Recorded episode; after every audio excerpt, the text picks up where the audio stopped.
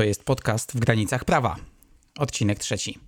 Dziś opowiem Ci o podstawach prawa dla blogerów i podcasterów.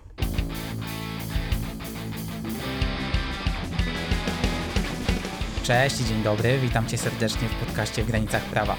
Nazywam się Maciej Żółtowski, jestem radcą prawnym i pomagam przedsiębiorcom działać bezpiecznie i zgodnie z prawem. Jeśli chcesz dowiedzieć się czegoś więcej o tym, jak rozwijać biznes ponosząc jak najmniejsze ryzyko prawne, to trafiłeś w odpowiednie miejsce. Zapraszam.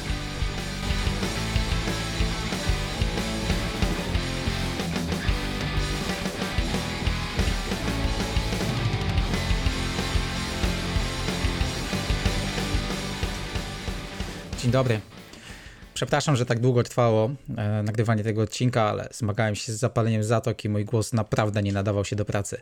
Ja wolałem odpuścić i wrócić, gdy będę gotowy i oto jestem. Dziś ponownie zmierzymy się z podstawami prawa, ale porozmawiamy sobie o blogach i podcastach, bo blogerem lub podcasterem może zostać każdy. Serio, skoro ja zacząłem, to naprawdę każdy może. I prawdopodobnie każdy kiedyś słyszał o tym, że jest coś takiego jak prawo autorskie, jak jest coś takiego jak RODO, ale o co w nich tak naprawdę chodzi i jak robić to dobrze, o, to już nie jest tak prosto. Więc zróbmy to na prosto.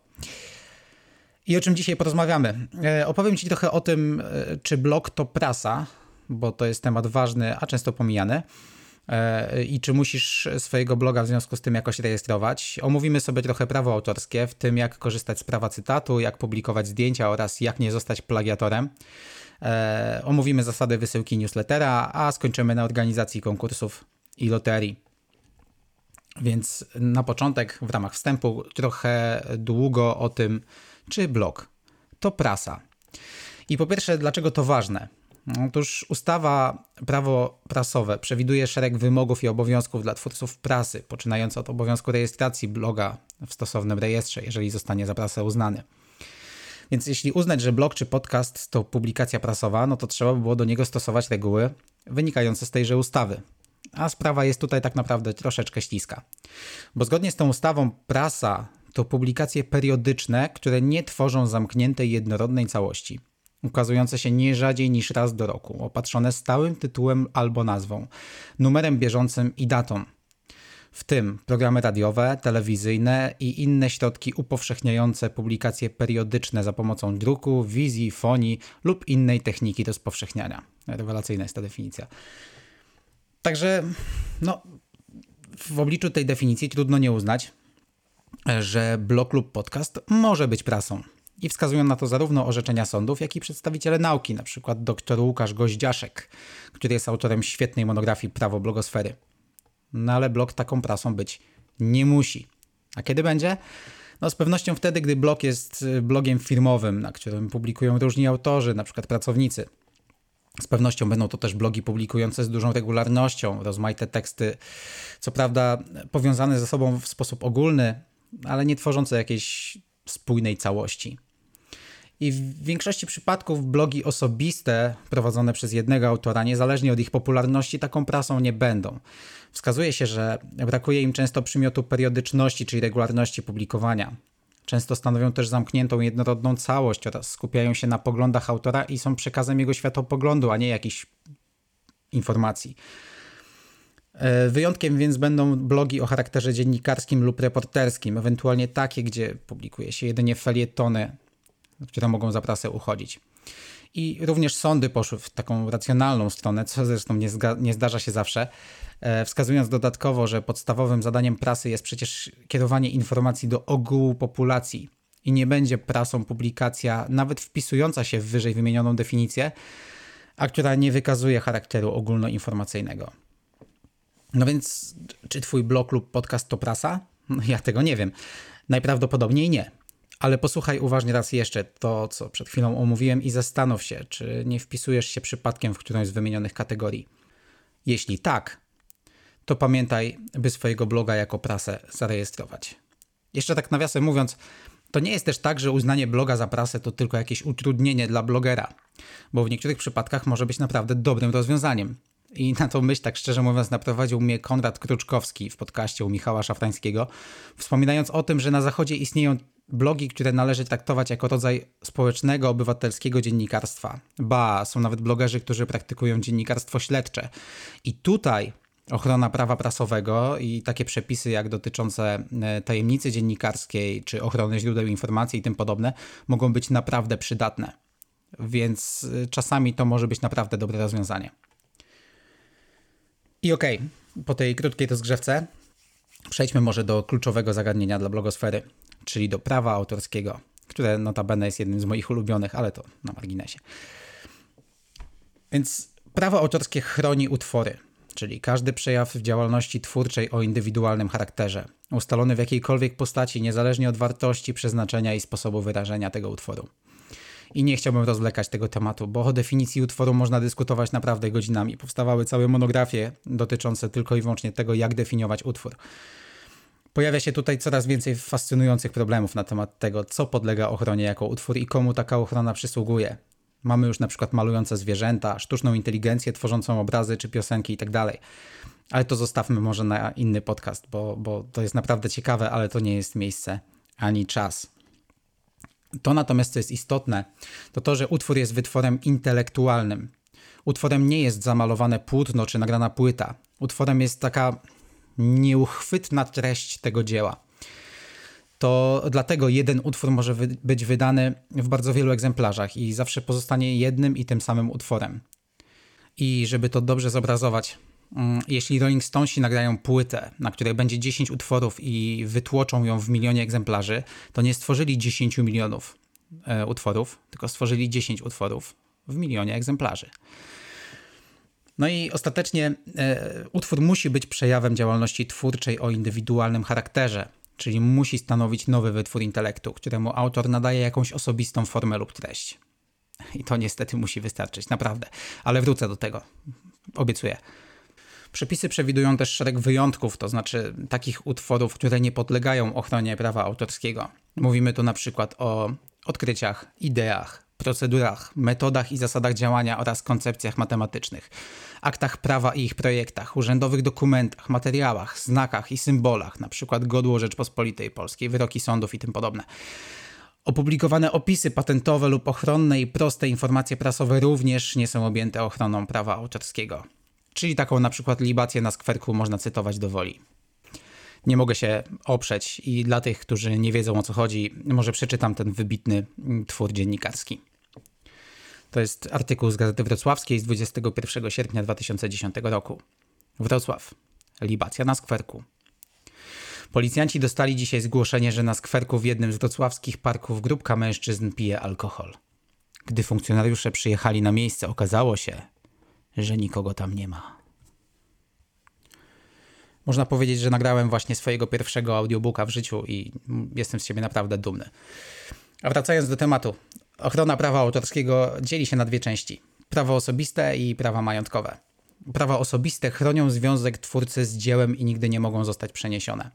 Chodzi tutaj o takie prawa jak prawo do oznaczenia dzieła nazwiskiem twórcy, prawo do nienaruszalności dzieła, prawo do decydowania o pierwszym udostępnieniu utworu itd. Tak nie wiem, pan Tadeusz zawsze będzie dziełem Mickiewicza, choćby Słowacki ze wszystkich sił próbował mu je odebrać i wspomniany Słowacki nie może niczego w środku pana Tadeusza dopisać po to, żeby to wydać pod tytułem Pan Tadeusz, tak?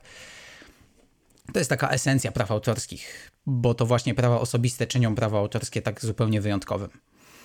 Ale na drugim biegunie mamy autorskie prawa majątkowe, które można nazwać czymś w rodzaju własnością utworu. Chodzi tutaj o uprawnienia do rozporządzania dziełem i czerpania z niego pożytku. Prawo majątkowe można przenieść na inną osobę przez umowę przeniesienia autorskich praw majątkowych, jak również udzielić na nie licencji, czyli prawa do korzystania utworu w określonym zakresie. I to działa trochę tak, jakby mm, te prawo do korzystania z utworu było przedmiotem umowy najmu lub dzierżawy. I zasada tutaj jest naprawdę prosta. Nie możesz korzystać z cudzych utworów, jeśli nie masz pewności, że możesz. A możesz wtedy, gdy jesteś właścicielem autorskich praw majątkowych, jeżeli posiadasz licencję, albo korzystasz z utworu w ramach prawa dozwolonego użytku. I jednym z najważniejszych, jeśli nie podstawowym prawem dozwolonego użytku dla blogerów i podcasterów jest oczywiście prawo cytatu. Zgodnie z artykułem 29 ustawy o prawie autorskim i prawach pokrewnych wolno przytaczać w utworach stanowiących samoistną całość urywki rozpowszechnionych utworów oraz rozpowszechnione utwory plastyczne lub fotograficzne albo drobne utwory w całości w zakresie uzasadnionym celami cytatu, takimi jak wyjaśnianie, polemika, analiza krytyczna lub naukowa, nauczanie lub w związku z. Tak prawami gatunku, twórczości. I, I co my tu mamy? Po pierwsze, definicję cytatu, czyli przytoczenie w utworze stanowiącym samoistną całość urywków lub całości innych utworów. Cytować można tekst, ale również zdjęcie, obraz czy materiał wideo. Oddając głos Sądowi Najwyższemu, przytoczenie cudzego utworu nawet w całości jest dozwolone, jeżeli następuje w celu określonym w artykule 29 ust. 1 ustawy, przy czym przytaczany utwór musi pozostawać w takiej proporcji do wkładu twórczości własnej, aby nie było wątpliwości co do tego, że powstało własne nowe dzieło. Cytat nie może więc dominować w nowym utworze, musi być jego niewielką częścią, która pełni jedynie jakąś funkcję w tym nowym utworze. No właśnie, w celu określonym w artykule 29 ustawy, czyli w jakim? O tym mówi nam druga część przepisu. Cytat można stosować w celu, w zakresie uzasadnionym e, celami cytatu. A więc ustawa wskazuje nam takie przykładowe cele, czyli wyjaśnienie, polemika, analiza itd. Tak I wykorzystywanie cytatu do innych celów jest niedozwolone. A jak można skorzystać z prawa cytatu? No cóż, możesz wykorzystać fragment czegoś utworu albo krótki utwór w całości, czy też cały utwór plastyczny lub fotograficzny, ale pod warunkiem, że cytat zostanie wyraźnie oznaczony. Należy wskazać imię, nazwisko twórcy oraz źródło cytatu, to wynika z artykułu 34 ustawy. I takim drugim prawem e, dozwolonego użytku jest wykorzystywanie utworów, którym już nie przysługuje prawno-autorska ochrona a konkretnie którym wygasły majątkowe prawa autorskie, bo osobiste trwają na zawsze. Takie utwory należą do tzw. Tak domeny publicznej. Każdy może z nich skorzystać na zasadzie, w zasadzie dowolnie, pod warunkiem oznaczenia imienia i nazwiska twórcy oraz źródła utworu. A kiedy taka sytuacja następuje, no nie chciałbym się tu zagłębiać, bo to jest znowu bardzo obszerna dziedzina. Natomiast co do zasady, autorskie prawa majątkowe wygasają po upływie 70 lat od śmierci twórcy lub, w dużym uproszczeniu, ostatniego współautora dzieła. Należy przy tym także pamiętać, że jeżeli mamy do czynienia z opracowaniem lub wykonaniem jakiegoś utworu, to pomimo tego, że sam utwór należy do domeny publicznej, to jego opracowanie jest już oddzielnym utworem któremu przysługują oddzielne prawa majątkowe. I trochę zagmatwałem, więc może na przykładzie. Być może słyszałeś kiedyś o takim facecie, który nazywał się Fryderyk Chopin. Zmarł 1 marca 1810 roku, więc choć rodem z matmy nie jestem, to policzyłem sobie, że to jest trochę więcej niż 70 lat temu. A to znaczy, że jego kompozycje są już w domenie publicznej. Jeśli więc przygotowujesz się do konkursu Chopinowskiego, możesz bezproblemowo przygarnąć jego dzieła i je na koncercie wykonać. Nie musisz się martwić o zapłatę żadnych tantiem, ale twoje wykonanie tego utworu będzie już oddzielnym utworem, tak zwanym utworem zależnym i będą ci do niego przysługiwać oddzielne prawa majątkowe. Co oznacza, że ja nie będę mógł wziąć twojego wykonania z konkursu Chopinowskiego, żeby zacząć je sprzedawać, czy nawet podłożyć w podcaście. Ale za to będę mógł samodzielnie zagrać sobie kompozycję Chopina i ją w tym podcaście podłożyć. E jeszcze dodam tutaj, że wolno korzystać z utworów na potrzeby parodii, pastiszu lub karykatury w zakresie uzasadnionym prawami tych gatunków twórczości. Wolno też w sposób niezamierzony włączyć utwór do innego utworu, o ile włączony utwór nie ma znaczenia dla utworu, do którego został włączony. A także rozpowszechniać utwory wystawione na stałe na ogólnie dostępnych drogach, ulicach, placach lub w ogrodach. Jednakże nie do tego samego użytku. No dobrze, a co w przypadku wykorzystania utworu niezgodnie z powyższymi wytycznymi? No wtedy może wystąpić plagiat. Plagiat, czyli nieuprawnione wykorzystanie czegoś utworu w formie jawnej, czyli takiego oczywistego skopiowania utworu lub ukrytej, czyli w przypadku, gdy wprowadzono jakieś zmiany do pierwotnego utworu, ale tylko po to, żeby ten plagiat ukryć. Plagiator, ja wiem, że to brzmi jak nazwa maszyny z przyszłości, ale co poradzę, ryzykuje odpowiedzialnością karną, w tym karą więzienia nawet do 3 lat i cywilną, w tym roszczeniem o odszkodowanie. I skoro jesteśmy w ustawie o prawie autorskim i prawach pokrewnych, to jeszcze kilka słów o ochronie wizerunku. Bo zasadą jest, że rozpowszechnianie czyjegoś wizerunku wymaga jego zgody. Nie dotyczy to jednak dwóch kategorii osób. Po pierwsze, osoby powszechnie znanej, jeżeli wizerunek wykonano w związku z pełnieniem przez nią funkcji publicznych, w szczególności politycznych, społecznych, zawodowych itd. Oraz po drugie, osoby stanowiącej jedynie szczegół całości, takie jak zgromadzenie, krajobraz, publiczna impreza i tym podobne. Z takich zdjęć osób masz prawo bezproblemowo korzystać w swoich materiałach. Co do pozostałych, bez zgody osób, które są uwiecznione na zdjęciu lub filmie, lepiej się tego nie dopuszczać. Ok, o prawie autorskim w tej chwili chyba wystarczy. Chociaż szczerze, naprawdę lubię tę dziedzinę i bardzo chętnie bym jeszcze o niej poopowiadał, ale może następnym razem. Kolejnym ważnym zagadnieniem w blogosferze jest newsletter. Doskonale wiem o tym, jak duża jest waga kontaktu mailowego i często jest to jedna z najważniejszych decyzji strategicznych podejmowanych przez blogerów. Tutaj jednak rodzą się pytania: jak prowadzić newsletter w sposób zgodny z przepisami? I ja już o tym co nieco wspominałem w poprzednim odcinku podcastu, więc tutaj tylko przypomnę. Więc yy, przede wszystkim poruszamy się tutaj w obszarze ochrony danych osobowych oraz ustawy o świadczeniu usług drogą elektroniczną, którą dalej będę nazywał ustawą. Obszary te uzupełniają się, jednak musisz pamiętać o tym, że na przykład rygor prawny wynikający z RODO jest inny niż z ustawy, a to powoduje, że za jedno uchybienie możesz zostać, nazwijmy to, dojechany dwukrotnie. I jaka jest najważniejsza zasada rządząca newsletterem? Ano taka, że bez wyraźnej zgody właściciela adresu e-mail nie możesz kierować na ten adres korespondencji. W zakresie RODO potrzebujesz wyraźnej podstawy do przetwarzania danych osobowych. W przypadku wysyłki newslettera wybór jest niewielki, bo rozważać możemy przesłankę uzasadnionego interesu administratora danych osobowych albo zgodę osoby, której dane dotyczą. A ponieważ mamy jeszcze ustawę, to przynajmniej w Polsce wybór musi paść na zgodę. A to dlatego, że reguły dotyczące, mówiąc ogólnie, zakazu spamowania wymagają, by bez zgody właściciela adresu e-mail nie kierowano na ten adres informacji handlowych.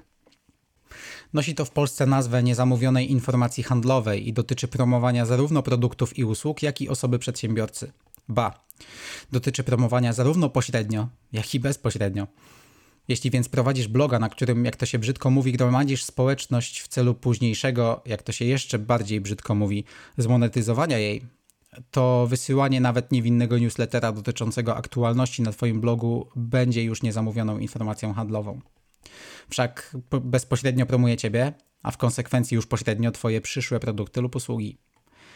I ostatni punkt programu na dziś czyli organizowanie konkursów, które mają posłużyć poszerzeniu Twojego zasięgu w internetach. Właśnie, czy na pewno konkursu? Bo w zasadzie mówiąc o konkursie, możesz mieć na myśli loterię, która jest czymś zupełnie od konkursu innym. Bo loteria to taka gra losowa o wygrane pieniężne lub rzeczowe, których wynik w szczególności zależy od przypadku. Będzie to więc każdy przypadek wydarzenia, w którym o wygranej lub przegranej decyduje ślepy traf na przykład z osób, które polubią ten post wylosuję trzech zwycięzców, albo spośród osób, które udostępnią to zdjęcie wybiorę piątkę szczęśliwców i tak dalej. To jest loteria. A ponieważ powyższa definicja zaczerpnięta została z ustawy o grach hazardowych, to prowadzi to do wniosku, że loteria jest hazardem. A to znaczy, że trzeba na przykład wpisać się w wymogi wynikające z tejże ustawy takie jak chociażby uzyskanie zgody dyrektora Izby Administracji Skarbowej na prowadzenie loterii. Za wydaniem takiego pozwolenia należy oczywiście zapłacić. Co więcej, jeśli organizujesz loterię na Facebooku lub Instagramie, to musisz również poprosić o zgodę dostawców platformy, ponieważ w myśl regulaminu zabronione jest reklamowanie przez strony, grupy i wydarzenia internetowych gier hazardowych i zręcznościowych, w których stawką są prawdziwe pieniądze oraz loterii internetowych bez naszego pisemnego zezwolenia. A za przeprowadzenie loterii bez zezwolenia grozi grzywna oraz ban na Face'a. A co z konkursem? No to jest taki rodzaj wydarzenia, w których wynik zabawy nie zależy od przypadku. Będą to więc wszelkie wydarzenia, w których o wygranej decydują jakieś określone kryteria obiektywne lub subiektywne. A to kto napisze najśmieszniejszy komentarz, a to kto wklei najlepsze zdjęcie itd. Tak Konkurs powinien mieć regulamin, przy czym nie musi to być rozbudowany dokument grunt, żeby wskazano jego zasady oraz w szczególności zasady wyłaniania zwycięzców. A czy jakieś przepisy regulują zasady prowadzenia konkursów? Tak, znajdziesz je w kodeksie cywilnym jako tak zwane przyrzeczenie publiczne i będzie ono dla ciebie wiążące, więc pamiętaj, że ze swoich zobowiązań dotyczących konkursu masz cywilnoprawny obowiązek się wywiązać. W przeciwnym razie, na przykład zwycięzca, który nie otrzymał nagrody, możecie pozwać o jej wydanie. I to chyba tyle w trzecim odcinku podcastu. Mam nadzieję, że wyniesiesz z niego coś dla siebie. Ja bawiłem się w sumie całkiem nieźle i prawdę mówiąc nie mogę się doczekać kolejnego odcinka. A tymczasem zapraszam Cię na moje media społecznościowe, w szczególności Facebooka, który ostatnio zmienił nazwę z Maciej Żółtowski, radca prawny, na ciekawa strona prawa Maciej Żółtowski oraz na stronę internetową maciejżółtowski.pl bez polskich znaków, bo to w tych mediach jestem najbardziej aktywny. Oczywiście poproszę Cię też o subskrypcję podcastu w używanej przez Ciebie aplikacji, żeby nie ominął Cię kolejny odcinek. A tymczasem dzięki Ci za uwagę i do usłyszenia.